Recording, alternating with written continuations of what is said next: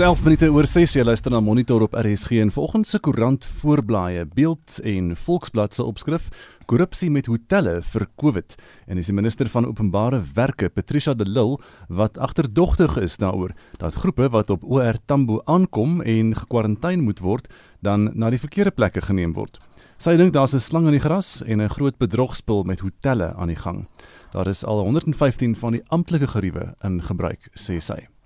In die burger het is dieselfde storie as ook meer as 130 miljoen liter bier dalk aan die drein af en dis die bier wat eh, SAB gaan moet ver, verwyder en vernietig as die staat nie die drankverbod wil ophef nie. Business Day vandag. Besighede in Suid-Afrika voorspel die ekonomie gaan weens die COVID-19 pandemie met tot 17% krimp en die voorspelling verdwerg die IMF e se vooruitskatting. Ook 'n berig oor Tito Mboweni wat aan die parlement sê ras moenie gebruik word om te bepaal wie noodleniging van die regering moet kry nie. Hy sê die regering het nodig dat alle besighede die poging ondersteun om die ekonomie weer aan die gang te kry. Hy het 'n storie vertel van 'n hotel in Magobas Kloof wat aan 'n wit persoon behoort, maar 95% van die personeel is swart. En hy het beloof om met die minister van toerisme te praat. Internasionaal op bbc.com, die Withuis beplan om die virus staakmag teen die einde van Mei of Junie te ontbind en skole in China se Hubei provinsie heropen vir die eerste keer sedert die uitbreking van die nuwe koronavirus in Wuhan. En dis vanoggend se nuusoorseig. Die Suid-Afrikaanse ekonomie gaan vir 'n baie lang tyd sukkel weens die impak van COVID-19. Ons wil weet hoe raak dit jou en vanoggend wil ons spesifiek by jou weet, hoe raak dit jou sak nadat die inperking na al vir meer as 35 dae met ons is. Begin die geldnood jou knyp? Het jy dalk jou werk verloor? Moes jy 'n salarisverlaging aanvaar? Sommige mense moet selfs lenings aangaan om kos te koop of hulle huur te betaal. Wat beteken dat hulle salaris nou weer minder werd gaan wees wanneer hulle begin werk. Watter planne beraam jy om jou kop bo water te hou? Stuur vir ons 'n SMS by 45889. Onthou dit kos R1.50 per SMS of jy kan uh, jou mening deel op ons Facebookblad by facebook.com vorentoe skynstreep ZRSG of WhatsApp vir ons boodskap na 076 536 6961 en ek herhaal daai nommer 076 536 6961. Dis nou 13 minute oor 6 en die kommissaris van die Suid-Afrikaanse Inkomste Diens, Edward Kieswetter, sê belastinginkomste sal na verwagting vir jaar met tussen 15 en 20% en dis soveel as 285 miljard rand daal. Volgens Kieswetter is die is dit beide weens die sukkelende ekonomie en die inperkings om die verspreiding van die koronavirus dan te stuit. Hy het die parlement se gesamentlike komitee oor finansies toegespreek en Kieswetter het gisterand op RSG geldsaake met Ryk van Niekerk oor die saak gepraat. Jy sal onthou verlede week het uh, nasionale tesorie het drie vooruitskattinge gemaak. Die eerste wat die laagste scenario is. Met ander woorde, as ons nou die ligste afkom van van COVID-19, is dat die ons ekonomie gaan met uh, net meer as 5% krimp en op die ergste by rondom 16% uh, afdaal. So dis uh, vroeë dae en elke model en uh, vooruitskatting wat ons nou doen, weet ons gaan verkeerd wees maar die soos hulle sê the writing is on the wall uh, dit gaan 'n bloedbad wees Waaroor is jy die bekommerdste? Julle grootste gedeelte van julle inkomste kom uit inkomstebelasting. Dit is mense wat werk. Natuurlik as hulle hulle werk verloor of word minder betaal, gaan hulle minder belasting betaal. BTW wat natuurlik gekoppel is aan die ekonomie, aan uh die ekonomiese aktiwiteit en dan ook uh julle kry baie geld uit maatskappybelasting. Natuurlik as maatskappye nie wins maak nie, gaan hulle nie belasting betaal nie. Waaroor is jy die bekommerdste? Deur twee verskillende lense. Die eerste lens is 'n afname in ekonomiese aktiwiteit.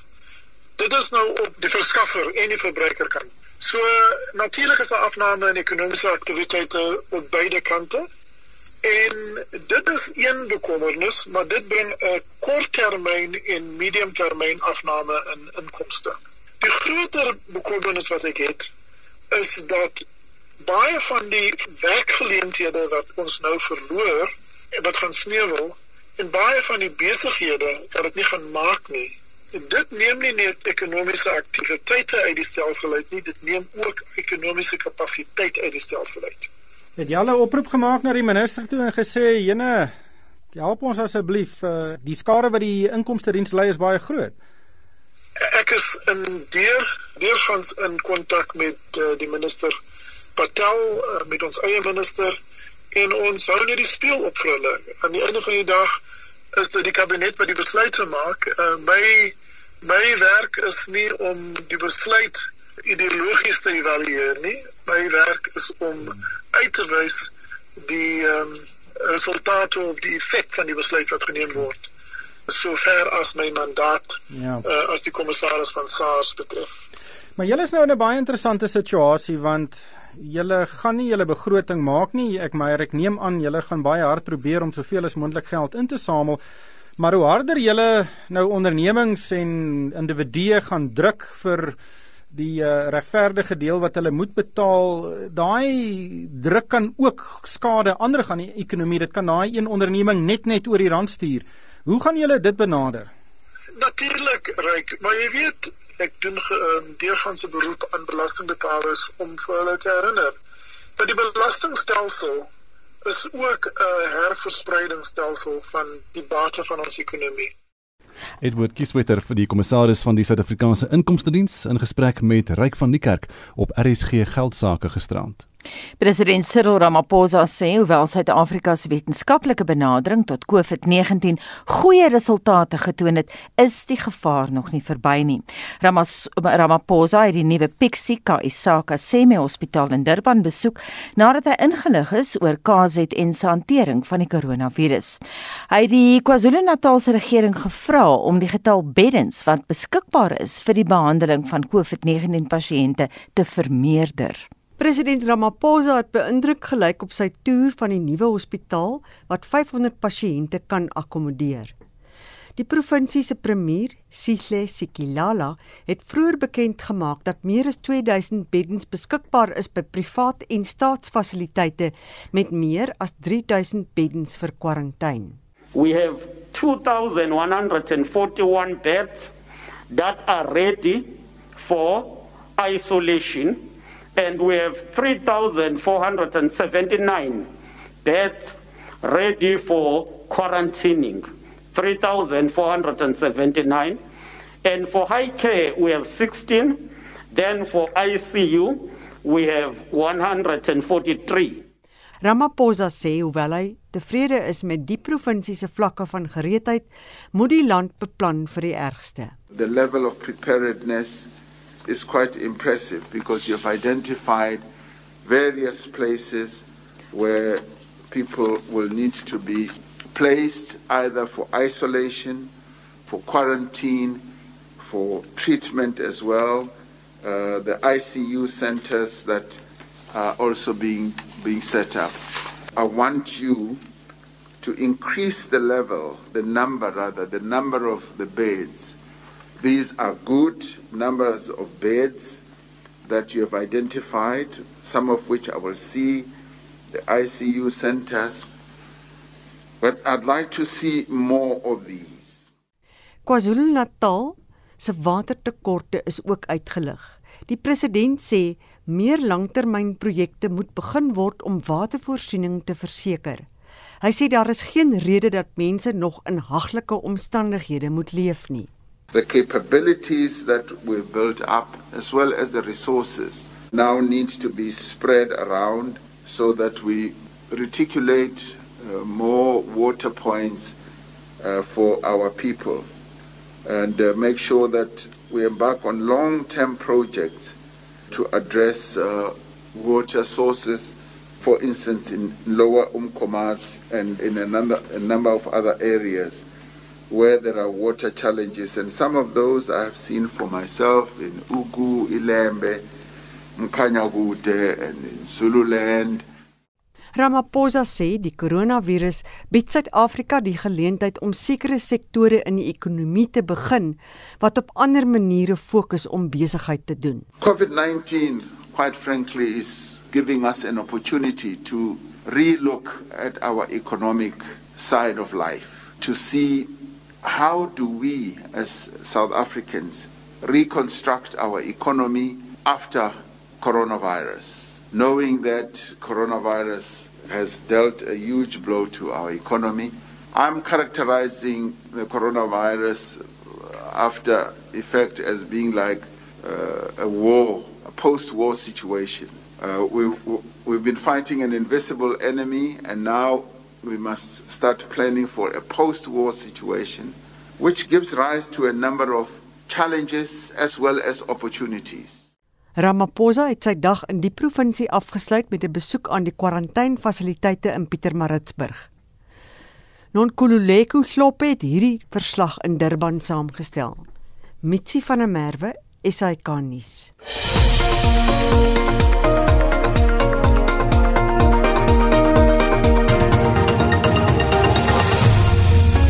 25 minute oor 6 uur by Monitor en die 61-jarige Derek Dupree is al sedert 17 Maart in selfafsondering weens die koronaviruspandemie. Dupree het in Atlanta en toe in Washington gewerk waarna hy Sondag teruggevlieg het Johannesburg toe. Op OR Tambo aangekom is Derek na 'n aanhoudingsfasiliteit by Esland Park naby Tembisa geneem waar hy tesame met 80 ander in kwarantyne geplaas is. Hy het sy verhaal gister met Monitor gedeel. Amerika het uh, wat hulle genoem het 'n stay at home werksbeleid gehad. So al die organisasies en uh, besighede het maar hulle mense huis toe gestuur. Die besighede was gesluit in die stede. Dit was nogal bizar geweest om die groot megastede te sien wat so stil is. Uh, geen vervoer op die strate nie. Mense baie min van hulle op uh, wat jy opmerk. Ek het uit 'n woonstel uitgewerk in Atlanta op die 21ste vloer van die gebou gesetel was en wat 'n redelike proses was om in en uit die gebou uit uit te beweeg. Ek het myself maar besig gehou om te gaan stap. Jy moes net jou afstand behou het. In Washington het ek maar net uit 'n hotel uit gewerk, selfde prosedures gevolg. En toe kom jy nou Sondag in Suid-Afrika aan op ORT. Toe land ons Sondag middag 4uur op uh, ORT. Ons is goed ontvang, tasse opgetel, die bussies het reg gestaan. Nou wat ek verneem het agterna is dat die fasiliteite vir die inperking was nie op daardie stadium nog heeltemal gefinaliseer nie. Ons het eers 8:00 die aand daar vertrek met die gevolg dat ons laat die aand eers hier by die fasiliteit aangekom het en toe na die kamers toe. Baie klein, die eerstes gewees wat ek in beweeg het en daarna het ek uh, gekla daaroor en hulle het my toe geskuif na 'n groter ruimkamer toe wat hmm. baie beter is en meer beweegruimte het. Nie so vervalle was soos die eerstes waarna hulle my geplaas het nie. Vertel ons van jou dieet. Die kos is nie wat wonders nie, die kos is maar redelik uh, basies. Die ontbyt in die oggend is twee klein gebakte eiertjies, twee visvingertjies met 'n sous daarbey en dan twee snye brood, breinbrood. Uh, hier is koffie en suiker afgegee. Hier is wel 'n ketel in die kamer, maar geen koppies of geen teelepels, geen ander bybehore nie. Dit was vir my 'n opseer. Die middagete is 'n groot stuk wors met pap en sous, klein bietjie groente. Ek neem aan dit is uh, gevriesde groente gewees wat hulle net opgewarm het. Kos is maar redelik uh, swak gehalte. Dit kom hier by die kamers aan en dan is dit yskoud Nou ons is nie veronderstel om uit die kamers uit te beweeg nie. Ons moet binne in die kamers bly want die beweeg sekuriteit rond die heeltyd wat jou aanspreek as jy buite jou kamer gevind word en jy moet onmiddellik terug in die kamer in. So dit maak dit ongemaklik. Aandete kan ek nie vir jou regtig op antwoord nie. Die eerste aandete en Sondag aand wat ons gekry het, is dieselfde storie gewees. Dit was yskoud en dit was opgekookte beesvleis met rys en sous. Daar was wel vrugteslaai by gewees wat bestaan het uit 3 druiwekorrels en drie stukkies baie baie klein, trend die grootte van my duim, wat lemoenstukkies en dan jelly. Franse aandete het ek laat verbygaan, ek het dit nie geëet nie. So dit gaan maar uh, moeilik met die etes hier en as gevolg van die afgeleë omgewing kan jy ook nie bestel wat jy graag wil hê deur Uber of deur enige afleweringsfasiliteit nie. Jy moet maar vrede maak daarmee. Derek sê nou jou aanvanklike kamer was baie klein en jy het gevra vir 'n ruimer kamer. Hoe groot is die kamer waarin jy nou is? Nee, die kamer waarin ek nou is is die normale grootte van 'n hotelkamer. Hy is min of meer 4 meter by 5 meter. Die badkamer is groot. Dit is nou wel baie oud. Onderhoud is nie gereeld gedoen op die plek nie. Maar as 'n mens daarby verbykyk, ja, dit is gemaklik. Die beddens, die matrasse is ongelukkig is dit dwarsdeur geslaap, so die slaapry gaan maar moeilik. Veral met 'n ou se rug. Uh, jy lê binne in 'n gat op 'n harde basis. Ek probeer nou maar dit uitwerk deur goed onder in te druk en uh, die matras te ondersteun. Kan jy dan 'n bietjie stap nou in daai kamer vir oefening? Wat doen jy om 'n ja, bietjie ja, fiks te ja, bly? Ek kan oefening doen. Ek het 'n program wat ek uh, uitvoer. Al sedert ek in Amerika was wat ek dit doen oefeninge wat ek gekry het aanlyn. Hier is genoeg spasie vir dit. Hulle kom al jou een keer 'n dag, kom al hulle jou nou net om so 'n uur buitekant te gaan loop dat jy daarom net die sonlig kan opneem, maar baie streng in terme van bewegings hier. Wat doen jy? Hoe hou jy jouself besig behalwe die oefening? Wel, ek spandeer maar baie tyd op Netflix en op uh, Showmax en op al die kanale. Die televisie bestaan uit net twee kanale, dit is ETV en een kanaal van SABC. Daar's geen verdere kanale op nie. DStv hmm. totaal afwesig op die TV hier. Hier is nie internet nie. So internet is 'n probleem. Jy moet jou telefoon gebruik en 'n uh, sogenaamde hotspot vestig tussen dit en jou rekenaar en dan net maar daardeur gebruik. Ongelukkig is die data mos duur soos ons weet hier in Suid-Afrika. Ja. Maar ja, dit is on, uh, ongelukkig nou hierdie tye waarin ons lewe. So mense moet maar plan maak. Jy mis seker verskriklik geselskap. O, ongelooflik.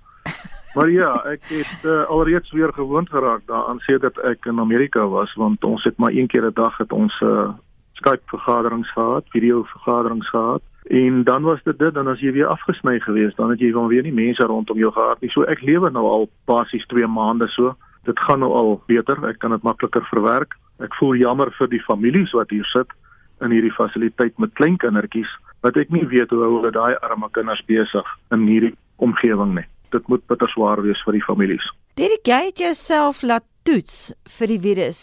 Ek verstaan daar word nie genoeg toetsing gedoen by fasiliteite in Suid-Afrika nie. Is dit toegenaamd aan jou aangebied? Nee, glad nie. Ons het self besluit ons het 'n WhatsApp groep gevestig hier in die fasiliteit waar ons is en ons het toe uitgereik na Amplats toe en uh, hulle het toe aangebied om uit te kom na die fasiliteit toe en ons te kom toets. Nou dit het gister begin en dit uh, duur voort vandag van die wat wil toets kan dit doen dan die koste daarvan self dra. Nou ons het dit gedoen omdat die prosedure deur die staat se toetsing departement gesondheid uh, neem tot 5 dae voordat die uitslae bekend is. Ook om die las van hulle af te neem en dan uh, om die verantwoordelikheid dan op onsself te plaas om dit te doen. So ons het dit gister laat begin doen. Ek is gister getoets is nie 'n aangename prosedure nie, maar ongelukkig nou ja, dit is nou iets wat gedoen moet word. Wanneer gaan julle die uitslae kry?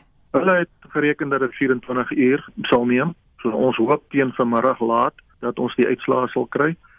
Uh ons is nie heeltemal seker hoe die prosedure van daar af loop nie. Daar's 'n dokter van die departement uh gesondheid toegesien aan die fasiliteit. Ons het hom nog nie ontmoet of gesien. Hy moet klaarblyklik afteken op hierdie toetse wat gedoen is deur die privaat instansie en dan word 'n sertifikaat aan jou uitgereik en dan kan jy uh die plek verlaat. En dis dan die 61-jarige Derek Dupree wat oor die omstandighede van sy kwarantyne gepraat het.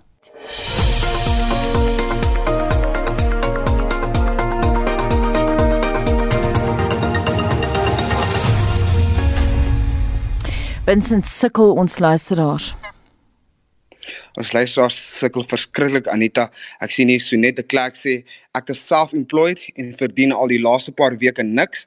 Ek verkoop produkte waar ek kan, maar dit maak nie 'n groot impak nie. Ek betaal egter steeds my mense en dit raak moeiliker na mate die weke verbygaan. Dit gaan lank neem om te herstel. En Denise Edwards sê dieselfde finansiëel is dit 'n ramp. Werkgewer het, het aansoek gedoen vir die UIF voordele, maar dit het steeds nie uitbetaal nie en intussen is daar rekenings wat betaal moet word. So vandag dink ons maar aan ons mense wat bietjie sukkel. Ons wil by ons luisteraars weet, hoe raak COVID-19 jou sak? Het jy dalk jou werk verloor of moes jy 'n salarisverlaging aanvaar? Watter planne probeer jy maak? Moes jy dalk aansoek doen vir 'n lening? Laat ons weet, stuur vir ons jou SMS by 45889. Dit kos R1.50 'n SMS of deel jou mening op ons Facebookblad by facebook.com vorentoe skynstreep ZARSG en hulle kan ook 'n stemboodskap stuur by 076 536 6961. Daardie nommer is 076 536 6961 en hulle moet hulle stemboodskappe so 30 sekondes hou. Shaun Justus sit gereed met 'n opsomming van die jongste sportnuus. In swemnuus, Fina het vroeër die week aangekondig dat die volgende wêreld swemkampioenskappe van 2021 na 2022 aangeskuif is. Die kampioenskappe wat van 16 Julie tot 1 Augustus in Fukuoka in Japan sou plaasvind, sou met die Olimpiese spele in Tokio bots wat op 23 Julie begin nadat dit ook vir 'n jaar weens die koronaviruspandemie aangeskuif moes word. Die swemkampioenskappe is nou vir 13 tot 29 Mei steeds in Japan geskeduleer. Die Suid-Afrikaanse swemster Chad Leclou het twee suksesvolle operasies oor die naweek ondergaan om langtermynbeserings op te los. Hy sal vir 4 tot 6 weke buite aks wees, maar gelukkig vir hom sal hy geen reekse of toernooie misloop nie, aangesien die koronavirus steeds amok maak met die wêreld se sportkalender. Die 28-jarige Leclou is Suid-Afrika se mees suksesvolle Olimpiese swemmer en het tot dusver 1 goud en 3 silwer medaljes verower. Golf Suid-Afrika se minister van sport Natim Tetwa het bevestig dat sy departement oorweeg om golf in die land agter geslote deure te laat voortgaan.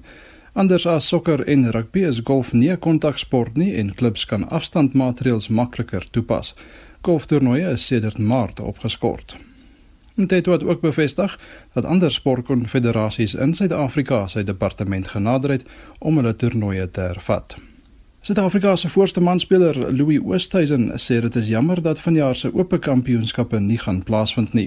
Die 149ste weergawe van die kampioenskappe sou in Julie by Royal St George's in Kent in Engeland plaasvind, maar is weens die koronavirus gekanselleer. Oosthuizen was in 2010 as kampioen gekroon. Die jaar se ander majors, die Meesters, PGA Kampioenskappe en Amerikaanse Ope, is tot later die jaar uitgestel. En om af te sluit het Oosthuizen ook gesê dit sal vreemd wees om sonder toeskouers te speel wanneer die PGA Tour in Junie hervat word. Die toer beoog om die seisoen op 11 Junie in Texas by die Charles Schwab uitnodigingstoernooi te hervat en het aangekondig dat die eerste 4 toernooie sonder toeskouers sal plaasvind. Shaun Schuster, SAK Sport.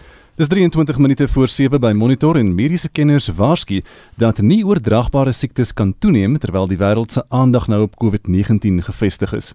Nie oordraagbare siektes sluit in diabetes, hipertensie, kardiovaskulêre siektes, vetsug en kanker. Hierdie siektes is verantwoordelik vir meer as 40 miljoen sterftes wêreldwyd. Die afsonderingsmaatreëls wat in baie lande geld, word nou geblameer vir die moontlike verergering van hierdie siektes weens 'n uh, gebrek aan oefening en 'n swak dieet. Die Alliansie vir Nie-oordraagbare Siektes is 'n netwerk van burgerregte organisasies in 170 lande. Die Alliansie sê daar is bewyse dat daar raakpunte tussen nie-oordraagbare siektes en COVID-19 is. Die uitvoerende hoof van die alliansie, Katie Dane, sê mense met nie oordraagbare siektes is meer vatbaar vir COVID-19. People living with NCDs are at a higher risk of severe complications and death from COVID-19. According to the latest data, hypertension and cardiovascular diseases were found to be the most prevalent pre-existing medical conditions followed by diabetes. And people living with three or more comorbidities appear to be at higher risk of death from COVID. People with compromised immune systems are at higher risk of developing complications from COVID. We're seeing viral infections can be harder to treat. Die uitvoerende hoof van die Wêreld Vetsug Federasie, Johanna Ralston, sê hulle pogings om vetsug te bekamp word deur afsonderingsmaatreëls in verskillende lande in die wiele gery. We are also seeing again in the whole in terms of the circumstances of people being forced into the uh, to being at home that there's reduced access to healthier food certainly reduced access to opportunities to move in healthy ways. Suid-Afrika word daarvan beskuldig dat dit nie oordraagbare siektes verwaarloos en voorrang gee aan COVID-19, HIV en tering. Dr Vicky Atkinson is die direkteur van die Suid-Afrikaanse Alliansie vir nie oordraagbare siektes. But really, if you've got HIV or TB, you are getting by and large star-studded treatment in our country and that will continue. You can get remote uh, drug dispensing which is not accessible for people with with non-communicable diseases. There's something called a chronic medicines distributing system, which works very well for HIV and TB, but for things like insulin, it doesn't work so well. Die Wêreldgesondheidsorganisasie sê daar is 'n groot behoefte aan inligting oor nie oordraagbare siektes en COVID-19. Dr Betty Mikkelsen van die WGO sê hulle hoop om meer data oor die verband tussen nie oordraagbare siektes en COVID-19 te kry. We can see that there are signs of COVID-19 infections associated with cardiac and renal complications, strokes and clotting disorders. And of course, WHO are focusing to see what is the scientific findings um, around these questions. Daar's ook toenemend kommer dat baie kankerpasiënte die risiko loop om te sterf as hulle behandeling deur die maatreëls teen COVID-19 onderbreek word. Hierdie bydra van Tabile Mbele en ek is Hendrik Martin vir SAK nuus. Suid-Afrikaanse mediese navorsers is bekommerd oor die feit dat die media se aandag tans ten volle gefokus is op COVID-19 terwyl TB agterweë gelaat word. Ons praat ver oggend hieroor met professor Martie van der Walt van die Mediese Navorsingsraad se tering platform. Goeiemôre Martie. Goeiemôre Anita en die luisteraars. Wêreldwyd sterf 4000 mense per dag aan TB. Ek dink nie dis 'n syfer wat bekend is nie. Helaas is daardie boodskap van tering nou in die skadu met COVID-19. Ja, dit is beslis so Anita en dit dit is ehm um, baie jammer. Um, tuberkulose seker die een siekte wat die meeste geaffekteer gaan word deur die COVID respons. Ehm um, die ehm um, Wêreldgesondheidsorganisasie en die Stop TB Partnership ehm um, het pas data bewys bekend gemaak om te wys dat ons verwag dat die ehm um, die respons teen COVID die so groot impak op tuberkulose gaan hê dat dit al ons ehm um, vorderinge wat ons in die afgelope 5 tot 8 jaar wêreldwyd in TB beheer gemaak het, ehm um, gaan uitwis. Ehm um, TB kry net nie soveel aandag nie en dit is miskien omdat die mense wat aan ehm um, tering sterf nie gesien word nie. Ons word ons praat nie so baie daaroor nie of dit word nie kry nie so baie nuusdekking nie, maar daar sterf gemiddeld ehm um, 4000 ehm um, mense ehm um, 'n dag per TB en dit is dieselfde as wat daar byvoorbeeld ehm um, in die Karoo elke dag 4 baie groot vliegtye ehm um, val dis dieselfde impak ehm um, as wat die die die die sterftes per dag ehm um, van tering is. Martie, wat gebeur as iemand wat nou reeds TB het ook boonop COVID-19 kry? Uh, dit daar is op die een vlak is dit die die kliniese of die siekte komponent daarvan. As 'n persoon tering het, mag die COVID-19 die uitkomste daarvan baie erger wees. Altwee is longsiektes en sodra mens klaar longskade het van tering en met COVID mag dit eintlik baie die COVID uitkoms baie slegter wees en en en of die tering ook. Die ander komponent is ek is eintlik die behandeling en die voorsorging wat 'n tering pasiënt kry. Tering is 'n um, 'n siekte en 'n behandeling wat ehm um, arbeidsintensief is. Mens moet gereeld terug aan dokter toe, mens moet medikasie op sekere tye kry. Daar's baie toetse wat gedoen moet word.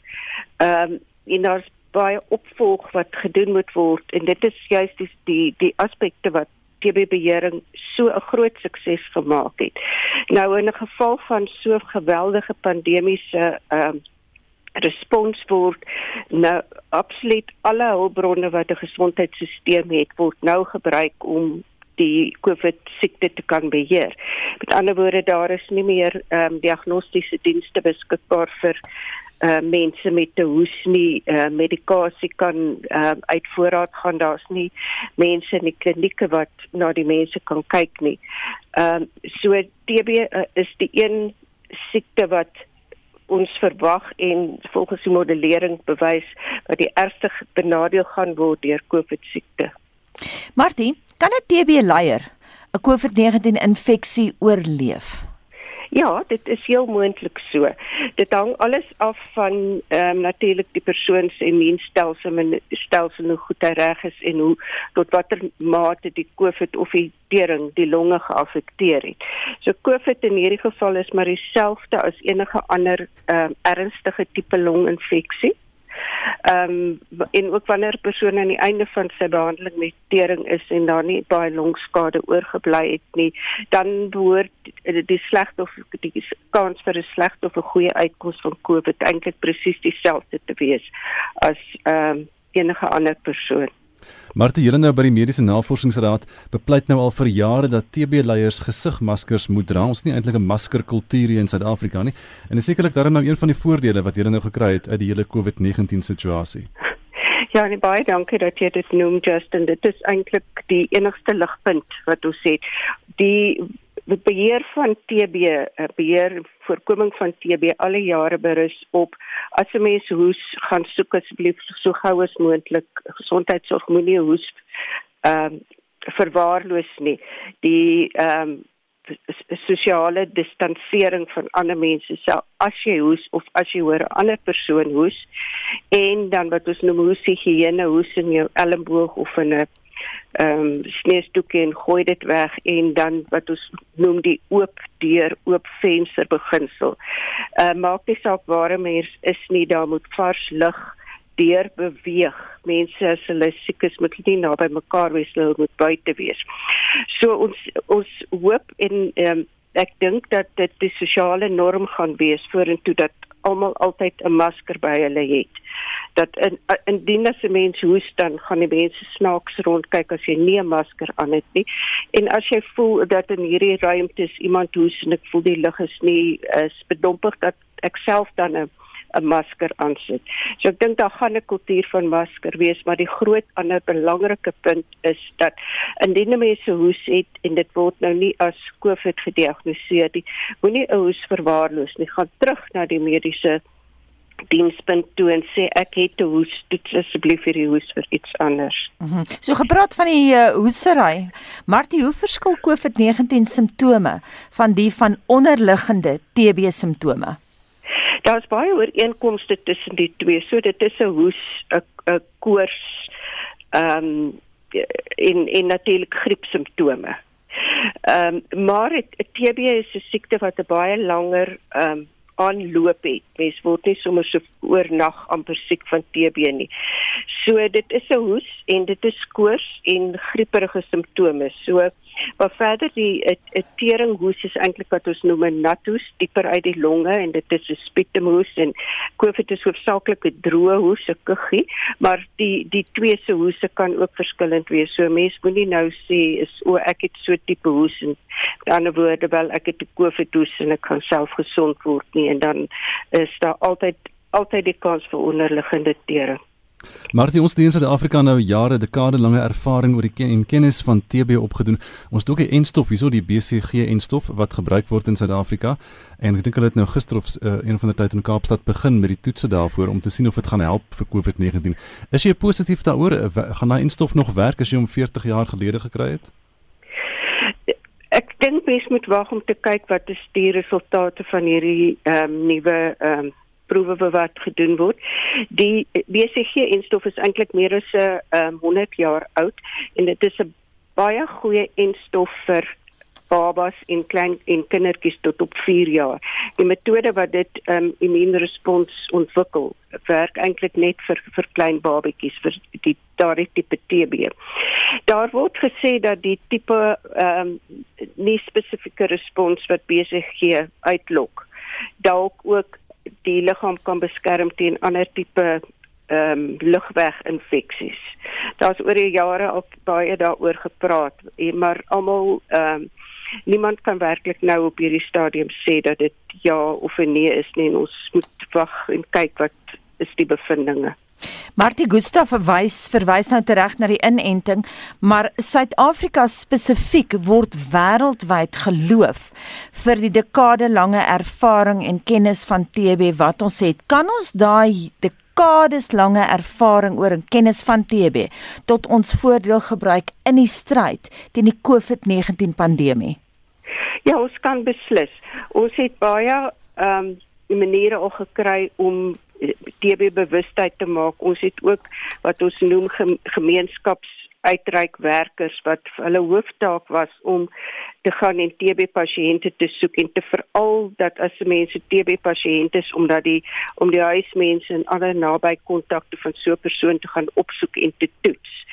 Ehm um, in in ehm um, hulle dop te hou en te moniteer vir infeksies. So slegs daai een beginsel van TB beheer Ehm um, en dit is juist wat ons nou gebruik in die COVID respons is sodra as iemand gediagnoseer het is dat daar iemand gaan en die res van die huismense gaan toets of as 'n persoon positief getoets het om dop te hou of hulle eh, dalk ehm um, erger gaan word. So daai beginsel is daar en dan die ander beginsel van ehm um, mens moet heeltyd bewus wees van dit van 'n van 'n hoes as iemand hoes eintlik in enige hospitaal of enige plek. As iemand hoes dan moet daai persoon gesê word gaan kyk asseblief wat is die rede van jou hoes. So daai twee beginsels van TB beheer om die die naby kontakte te gaan opsoek en te en te gaan toets. En dan die feit dat as iemand hoes dan moet mens baie vinnig um, gaan toets en kyk wat is die oorsaak daarvan. Maar die vinnig laastens is daar enige erge stigma hantering gegee die koppeling in Suid-Afrika met HIV en vigs. Ja, daar is ongelukkig baie erge ehm um, stigma en dit is aanvanklik omdat die uh, HIV vigs epidemie ek dink so geweldig uitgebreek het onder miskien ehm um, laer ekonomiese vlakke en ehm um, en, en wanneer mense HIV het, is mense ook baie baie meer vatbaar vir tuberkulose. So ehm um, tuberkulose het amper geïmpliseer as mens tuberkulose het dat die persoon ook HIV vigs positief gaan wees. Ons vermoed dat ongelukkig tering ehm um, deur deur COVID siekte omtrent tot dieselfde gaan gestigmatiseer word. Aan die ander woorde dat 'n persoon ehm um, vermoed dat die persoon COVID het, dan gaan hulle dalk nie vorentoe wil kom nie om getoets te word wanneer hulle dit bekommerd hulle het ehm um, TB of in die indien die persoon getoets geword vir COVID en dit is nie COVID nie, die persoon nie verder aangaan om getoets te wil word vir TB nie as gevolg van die bekommernis dat ehm um, dit dan eintlik ook TB is. Martie baie dankie professor Martie van der Walt van die Mediese Navorsingsraad se tering platform. Dis nou so 8 minute voor 7 en die Suid-Afrikaanse ekonomie gaan vir 'n lang tyd bloei weens die impak van COVID-19 en die grendeltyd waarin die land nou geplaas is. Maar wat is die impak daarvan op die individu en hoe lank gaan dit mense vat om te herstel? Ons praat ver oggend met die hoofekonoom by die Efficient Groep, Dawie Rood. Môre Dawie. Hallo Anita. Wat Wat is die impak van COVID-19 op Suid-Afrikaners en hulle vermoë om finansiëel te oorleef? Ons het nou uh, ons SMS vra die afgelope tyd geskoei daarop en met klein sakelei gepraat. Mense kry baie swaar. Dis wat ons anekdotaal hoor. Ek weet nie of jy ander navorsing het nie. Ja, Anika, uh, miskien net so op 'n persoonlike vlak. Weet jy, ek kry elke dag kry ek e-posse en mense wat my skakel en my absoluut hartverskeurende stories vertel van besighede wat toegemaak word, mense wat hulle werke verloor, mense se salarisse wat in die helfte gaan sny word en dies meer. Dit so persoonlik het ek voortdurend te doen met besighede wat ondergaan en dies meer. Ek dink wat belangrik is, miskien met mense wat net terugstaan vir 'n oomblik en kyk waar Suid-Afrika vandaan kom. En dan sien ons alreeds dat Suid-Afrika baie diep in die moeilikheid was. Uh, die Suid-Afrikaanse bevolkingsgroei op die oomblik is so wat 1.5% of so per jaar. Wat eenvoudig vir jou beteken as jy 'n eenvoudige sommetjie maak, is dat die ekonomie moet ten minste met 1.5% groei om die gemiddelde Suid-Afrikaner op dieselfde plek te hou. Dit was ongelukkig nie waar nie en dit is al meer as 5 jaar nie so nie, waar die gemiddelde Suid-Afrikaners al al al meer en meer armer geword het. So vir 5 jaar lank word ons elke jaar in elk geval armer. Hierdie jaar verwag ek ekonomiese groei van so minus 10% of so. Dit gaan waarskynlik heelwat erger is. Dit wees hang af uh, natuurlik van 'n hele klompie ander veranderlikes, maar dan as die ekonomie wel teen minus 10% groei, dan gaan die gemiddelde Suid-Afrikaner se inkomste uh, met so wat 12% of so gemiddeld daal. Dit beteken baie mense gaan hul werke verloor. My verwagting is meer as 2 miljoen mense uh, en uh, daai lig in heeltemal hulle inkomste verloor terwyl baie ander mense se inkomste ernstig uh, ingeperk geword en hulle inkomste baie gaan daal wanneer dit uiteindelik regkom en hoe lank dit vir ons gaan vat om reg te kom, is ek bevrees daardie traject gebaseer op die afgelope klompie jare en waar ons waardeur ons nou gaan, beteken dat ons eers gaan terugkeer waar ons nou is binne 10 jaar as ons gelukkig is of selfs 15 of langer jaar. En dis met die aanname dat ons die regte tipe van goedes doen en op hierdie stadium sien ek nie baie van die regte tipe van beleidsbesluite nie. Daarby mense gaan probeer natuurlik om lenings aan te gaan as hulle nie geld verdien nie. Hoe groot is die uitdaging op die individu dan eh, met die lenings en vir die ekonomiese herstel van die land daarna? Presies. So as jy lenings aangaan nou byvoorbeeld en baie mense doen dit in 'n poging om te oorlewe, uh, dan het dit alderaan implikasies. As jy uiteindelik teruggaan na die werk toe en jy begin weer 'n salaris verdien, dan moet jy daai lening nou eers terugbetaal en en dit beteken dat jou bestedingsvermoë in die ekonomie word ook aan bande gelê. Wat natuurlik baie allerlei makro-ekonomiese implikasies het. Dit beteken ook interessant dat uh, vir ekonomie ten minste dat sekere sekere industrieë gaan vir baie baie langer swaar kry as ander industrieë. 'n Goeie voorbeeld is byvoorbeeld toerisme. As mense nou uiteindelik begin teruggaan werk toe, dan moet eers jou skuld afbetaal en daardie luukse goedere is die goed wat vir 'n tyd lank uitgestel gaan word, soos byvoorbeeld toerisme en 'n nuwe kar en 'n televisie en dies meer. So ja, dit is waarskynlik wat die impak gaan wees op die individu en natuurlik op die makro-ekonomie ook. Dawie, kom ons praat oor daai nuwe karre. Jy het nou verwys na baie industrieë wat gaan seer kry en veral die toerismebedryf, maar motorverkope het in April en die syfers is met meer as 90% gedaal in vergelyking met vorige jare. Ja, amper 99% het die verkope van motorvoertuie afgeneem. Natuurlik op volgende maande gaan dit natuurlik weer uh, heelwat verbeter, maar ek dink nie ons gaan naasby terugkeer na die vorige vlakke nie. Dis April se syfers waarna jy verwys Anita. Ons probeer natuurlik nou vasstel alreeds hoe die ekonomie die ekonomiese impak gaan wees op die eerste en die tweede kwartaal en so stuk stuk begin ons nou statistieke te kry. Dit is een stukkie statistiek wat ons baie duidelik wys daarop dat luukse goedere se verkope dramaties gedaal het uh, in April en waarskynlik in die maande daarna ook. Nog 'n interessante stukkie statistiek is die aankope verkopers uh vir aankopers uh, se se uh, indeks, uh, die Absa indeks wat wat ook dui daarop vir al die SIP indekse dat Suid-Afrika uh, se ekonomie, vir al die vervaardigingsbedrywe in Suid-Afrika onder geweldig baie druk is. Ek verwag baie baie slegte syfers oor die volgende klompie maande. Daar wie die verbod op drank en tabak ons nou gister gehoor van Edward Kieswetter wat sê die mense hou nie op drink en rook nie, daar's hierdie onwettige netwerke wat nou ontstaan. Wat is die impak daarvan?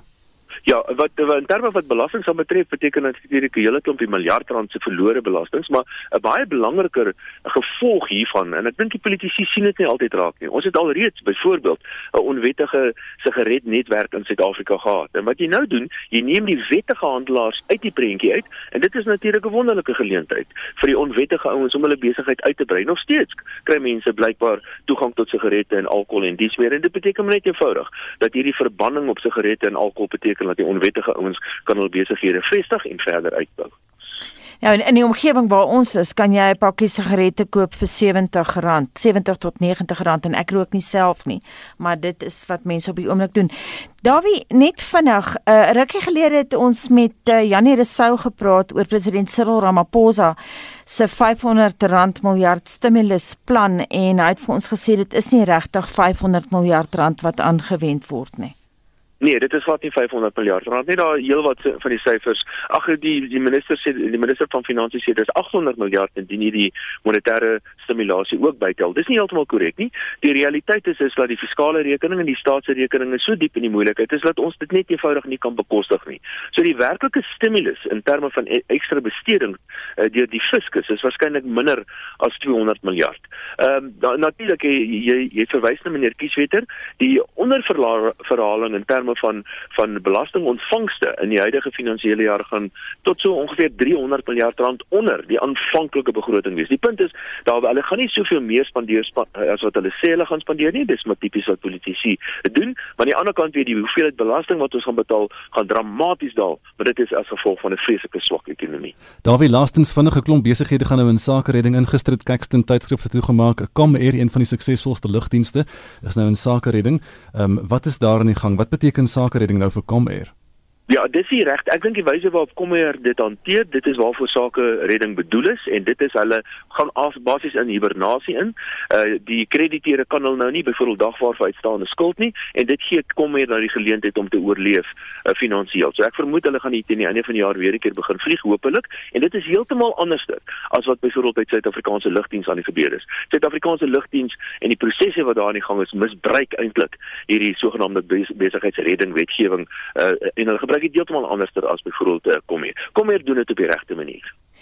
Net uh, laasens uh, toela is sê dit hierdie maand aangepas vir 6 maande. Gaan die regering kan terugkeer na die oorspronklike toela bedrag? Nee, dit gaan dit gaan dit gaan absoluut gaas wees. Ek kan nie sien hoe hulle dit kan doen nie. Nou praat ons van seker maar rowweg 'n addisionele 100 miljard rand ekstra besteding. Ek kan nie sien hoe hierdie toela weer ek teruggesny word na die oorspronklike vlakke toe nie om verskeie redes, want daar is net eenvoudig meer armoede en baie meer armoede.